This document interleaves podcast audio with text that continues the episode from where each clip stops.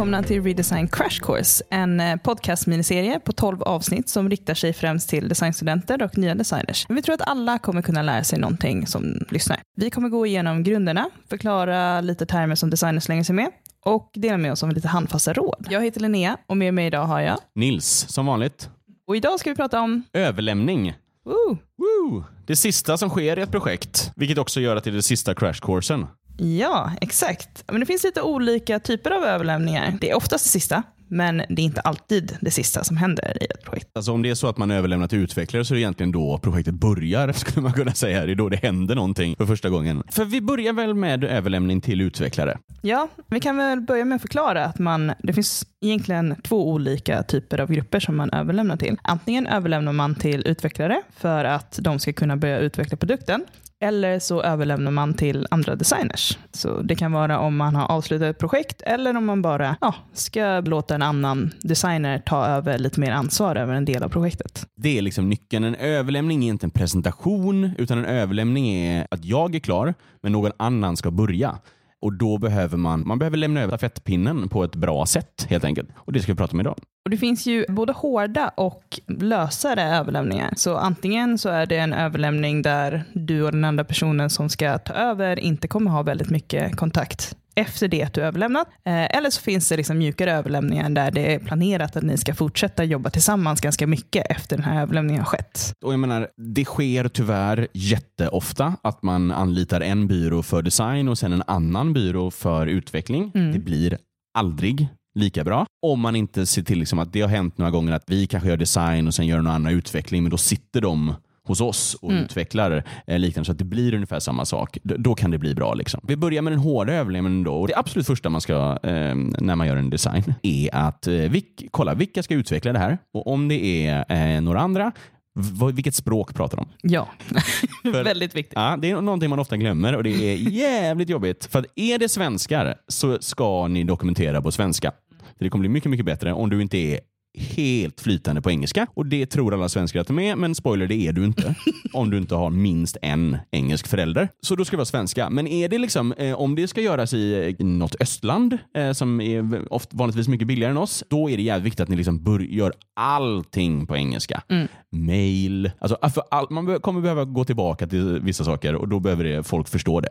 Ja, men det brukar finnas en bra grundprincip att så här, vissa UX-överlämningar som är extremt viktiga för projektet, så inte, de, inte det som kommer hamna i designen, inte språket som används i själva designen, men eh, user stories och till exempel flowcharts eh, kan det vara bra att alltid göra på engelska. För att även om det går till en svensk byrå så kan det vara så att de har liksom en backend-utvecklare eller liksom en utvecklare som inte jobbar med svenska. Och, och sen, det har vi pratat om lite innan, men det vanliga är att man typ gör pdf-er och sen det vanliga är att man typ har versioner av dem. Det är helt jävla värdelöst. Folk kommer insistera på att det ska göra så, men då ska du säga nej. Utan det ska vara ett levande dokument, det ska vara online och det ska Ja. kunna gå att ändra i det. Du ska kunna ändra i det om du får reda på någonting nytt. Och du ska kunna bestämma vem det är som ska kunna ändra i. Det är lite, lite jobbigare, eller det är mycket enklare, men man behöver ha en changelog. Om folk bara, fan vi gör det här i Keynote och sen gör ut en pdf, Ja. insistera på att göra det i Google Slides. Mm. Vad brukar man leverera över då, om vi ska göra det till utvecklare? Man brukar ha lite user stories. Beroende på liksom vilket typ av projekt det är så kanske du har några liksom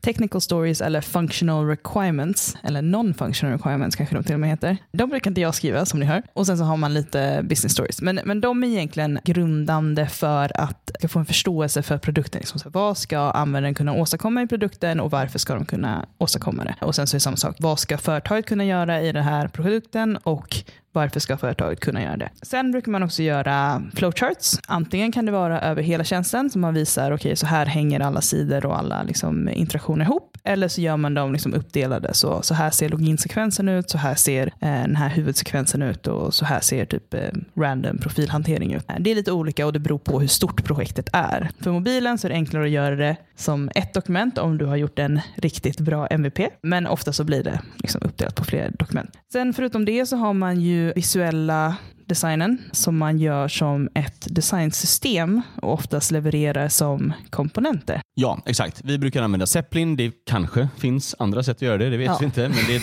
det tror vi inte. Men det viktiga här är ju liksom att dokumentera tillräckligt mycket för att alla fattar.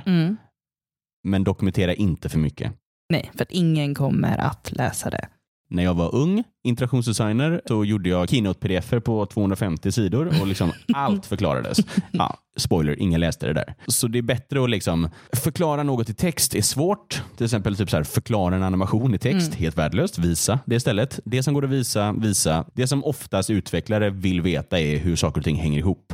Vart kommer man om jag trycker här? Vad händer om jag, om jag gör detta? Så det är det ni behöver förklara, liksom, om det är Ja. statiska wireframes eller bilder. Så, så, så man levererar massa saker. Och Den andra saken som jag tycker ni ska insistera på, det är att få presentera överlämningen. Ja, Superviktigt. Och den liksom keynote-presentationen som ni visar medan ni går igenom, den är jättebra och också skicka med som ett liksom sån övergripande första dokument som man kan bläddra igenom och sen Ja. kan era leveranser typ vara bilagor. Mm. Och där är det väldigt bra att börja först med det övergripande och sen tratta ner till Ja. detalj. Det är också bra när ni gör liksom modulbiblioteker. Och, alltså egentligen alla leveranser är det en väldigt bra grej att Ja. börja. Men eh, det, det är en grej som så här, kan vara väldigt svårt att, att komma ihåg. För du, är liksom, du har jobbat på den här produkten, du har levt den, du har presenterat den för kund. Kunden har också fått liksom höra hur den här produkten har utvecklats över tid. Och liksom alla har ändå varierande grader av förståelse för produkten. Men problemet är att ofta så kommer utvecklare in lite för sent i den processen. Så att de kanske inte har fått helhetsbilden över produkten, även om de har kommit in som liksom technical advisors. Så det är jätteviktigt att börja med att verkligen så här bryta ner. Okej, vad är den här produkten? Vad är det den ska åstadkomma? Och sen liksom förklara. Okej, det här är de grejerna man kan göra i den här produkten. Bryta upp det på ett logiskt sätt och kunna visa exakt liksom vad det är de ska bygga egentligen. För även utvecklare som ska kanske designa det här pixel perfect efter din design, vy för vy, även de behöver förstå helheten och förstå varför man gör det här. Det beror på hur, liksom, hur nära ni jobbar med era utvecklare och hur duktiga utvecklarna är. Men vi gör i princip ingen dokumentation när vi levererar internt. Ingen dokumentation är Det är en överdrift, men det, det beror inte på mig. Man säger, vi har inga wireframes, vi gör, vi har flödesschema på en jävla servett. Eh, Nej. Nej, men jag kommer ihåg, nej, men det bästa, när jag jobbade på Kruna så gjorde jag deras hemsida över en sommar och då var det så här, eh, då, behö- då liksom skickade eh, utvecklaren ett sms till mig. Fuck, det här funkar inte. Jag ritar på en servett på lunchrestaurangen jag är på, fotar, skickar över till honom och han bara okej, ja det funkar. Det var den nivån av liksom, dokumentation Jo, eh, som vi exakt. tillsammans. Men, men, men det är någonting som är så här, du kommer ju ha en överlämning först till en utvecklare till exempel, där du, där du har en, en komplett flowchart som egentligen inte är komplett. Och sen så kommer det komma hela tiden lite så här frågor på saker som du kanske har glömt eller som kanske inte förklaras i flowchartsen. De blir jävligt stora väldigt snabbt om man ska försöka förklara all, liksom, alla små saker som kan hända i en produkt. Så då är det ju jättebra att ha utvecklare som sitter i samma hus, för då kan man ju bara liksom gå över, förklara för dem, okej den ska röra sig hit. Speciellt när man jobbar med iOS-utvecklare, de har ju den här story flow-vyn där man kan verkligen se så här, okej men den här vyn är kopplad till den här delen av produkten. Och då kan man liksom gå igenom det på ett väldigt pedagogiskt sätt tillsammans. Jag menar, du kommer göra ett arbete innan utvecklingen går igång. Självklart ska det liksom presenteras väldigt tydligt, men det som är det dåliga, anledningen till att det blir dåligt oftast när man jobbar med andra utvecklare är att man förutspår vad som är oklart.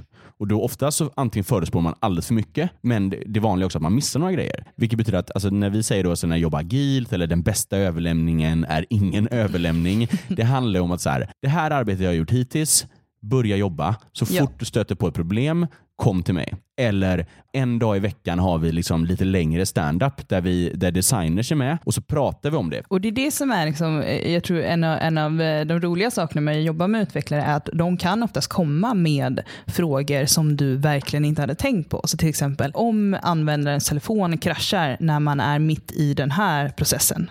Vad ska, vad ska jag skicka dem då, liksom, nästa gång de öppnar appen? Den är ju väldigt svår att liksom, tänka på själv när man sitter och designar den, men det är väldigt bra att ha en liksom, logik bakom för det. Liksom, en överlämning kommer ju aldrig vara komplett, för du kan aldrig förutspå alla, alla situationer som kan hända. Du kan också förutspå situationer som aldrig kommer hända, men det är därför det är så himla skönt att, att sitta tillsammans med utvecklare och att de kan fråga dig alla de här frågorna. Och att det inte blir en så jättelång delay mellan det som det kan bli ifall man har- gör en mycket hårdare överlämning. Och till exempel den byrån som ska utveckla måste gå via kunden som ska gå till er och sen ska det tillbaka till kunden och sen ska det tillbaka till utvecklare. Vid det laget så är informationen ganska oanvändbar. Ja, och, och jag menar utvecklare är experter på teknik och ramverk och liknande och det är övermänskligt att begära att liksom, du, designers också ska vara det. Och det är liksom från ramverk till ramverk, från teknik till teknik. Vissa saker är liksom superlätta och vissa saker är... Menar, vi jobbar med Firebase väldigt mycket på Ape Group, och vilket betyder att då finns liksom allt med inloggning. Det är klart, det finns det redan här. Det funkar hur bra som helst. Allt är där. Vilket betyder att vi designar ingen inloggningsskärm. Men skulle vi gå till en annan byrå som använder ett annat ramverk och så vi har ingen inloggningsskärm, då är det liksom, de bara, vad fan, vad gör ni? Liksom? Så det, det går inte att veta i förhand. Och är det då en hård överlämning, då behöver du göra alla de här vyerna som kanske är onödiga. Och sen, vi ska väl inte prata typ så här hur det är med här, indiska utvecklare kontra ukrainska utvecklare. Ni får lära er det. Men Alltså det, det handlar ju om att, att eh, jag tror att man måste ha en bra dialog med kunden kring liksom vems ansvar det kommer vara att hantera designen om det är en hård överlämning och att då liksom så här, är det kunden som ska ha ansvaret för liksom att produkten ska utvecklas så de vill ha det så får man liksom ha en ganska, ganska genomgående liksom, em, genomgång med dem så att de verkligen förstår liksom all tanke som har lagts in bakom olika val. För jag tror att det kan vara någonting som, alltså små saker som de tycker inte är stora förändringar kan ha väldigt stora konsekvenser. Det är väl egentligen, alltså, om någon tar beslutet att det här ska utvecklas i till exempel Indien, då behöver, den tredje grejen ni ska insistera på är kvalitetskontroll. Ja. Eh, och är det en liksom, eh, utvecklare i samma byggnad eller någon liksom, en svensk byrå som ni jobbar jävligt tätt med, ja, men då kan det oftast räcka med att man har en kvalitetskontroll på slutet. Minst en vecka fulltid polish. Vad det än är. Troligtvis mer. Men liksom det är det minsta. Men är det då hårdare överlämning som ni har gjort, måste vara väldigt upfront med att vi kan inte förutspå allting. Ni vill inte att vi ska sitta och göra alla, alla vyer, utan se till att ha en, liksom en stand-up, ha några timmar i veckan eller en vecka i månaden eller någonting så att ni kan liksom svara på de frågorna som kommer upp. Ja.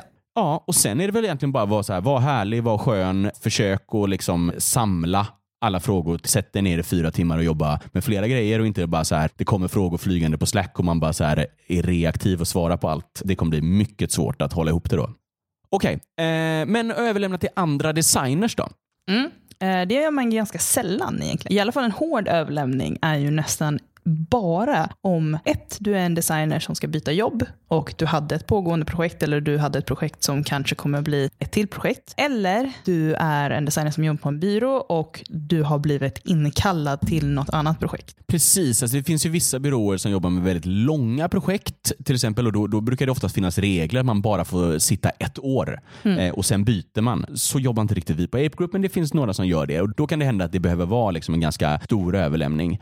Men det sker ganska sällan. Och sen är det ju också så att jag menar, det är lite på hur, man, hur det är upplagt men jag tror att de flesta byråerna och de flesta produktföretagen har typ två designers per team.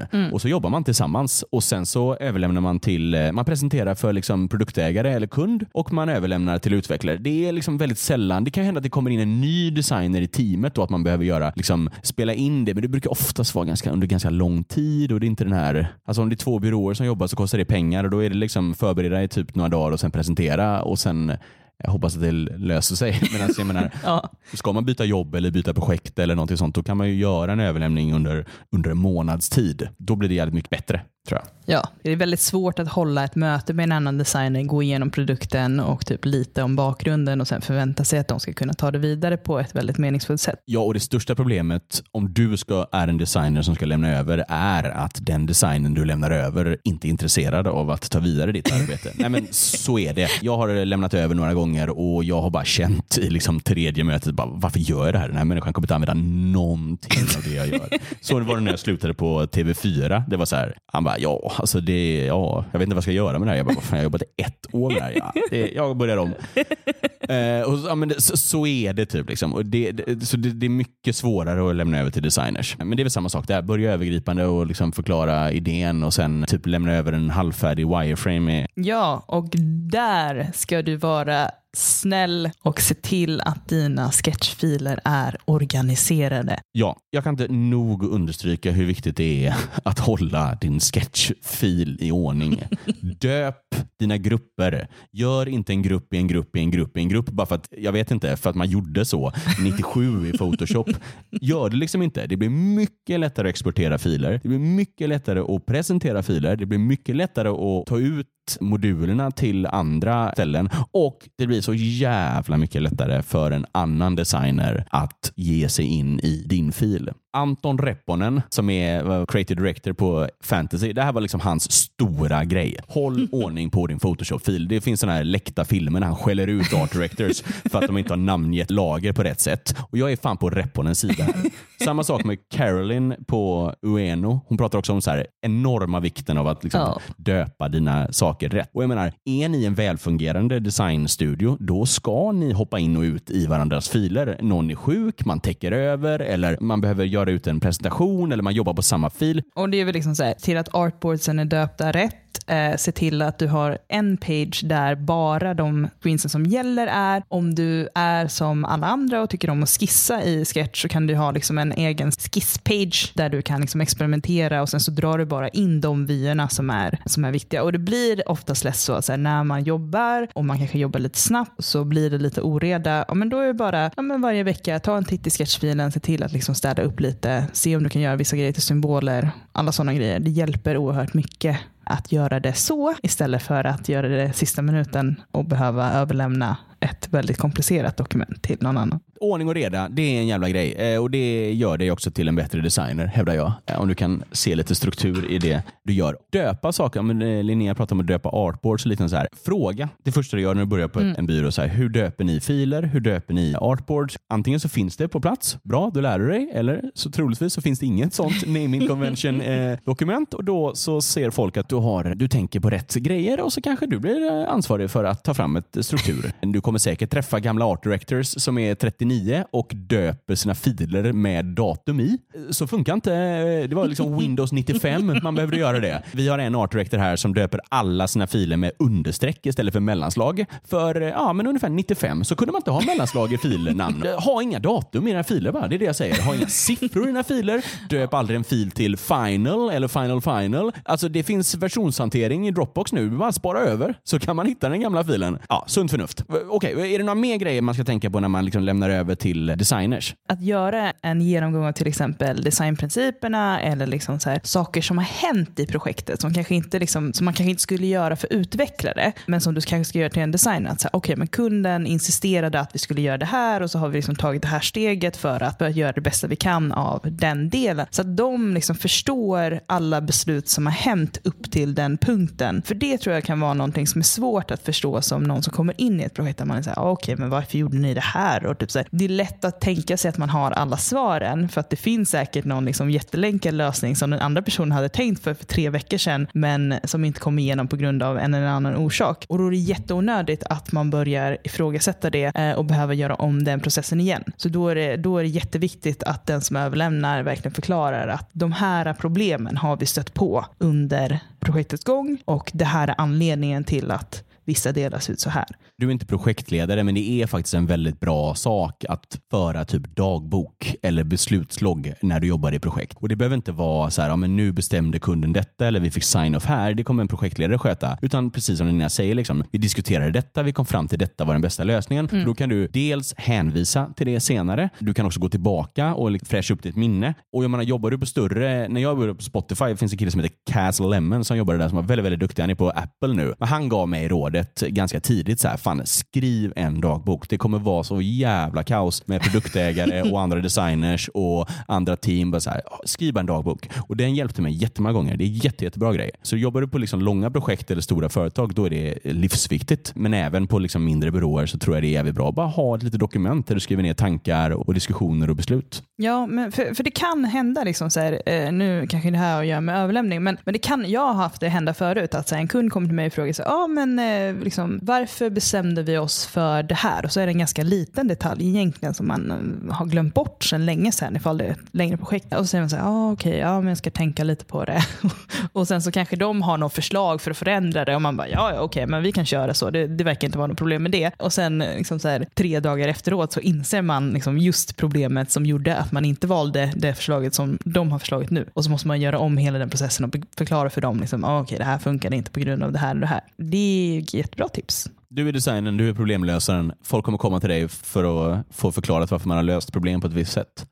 Men med sunt förnuft, hålla ordning i sin sketchfil och föra dagbok är en väldigt bra grej när man ska lämna över till en designer. Och De tre sakerna som jag tycker du ska insistera på när ni lämnar över till utveckling är leverera det ett levande dokument, presentera arbetet och skicka över den prestationen till dem och insistera på kvalitetskontroll. Minst en vecka polish på slutet, helst en dag i veckan för eh, design standup. Mm. Och det är väl ungefär det vi hinner med idag. Ja. Det var slutet på Crash Course. Tack för att ni var med alla 12 avsnitt. Vi återkommer inom kort med ett nytt koncept, antar jag. Vi får se. vi får det se. blir spännande. Hej då! Hej då!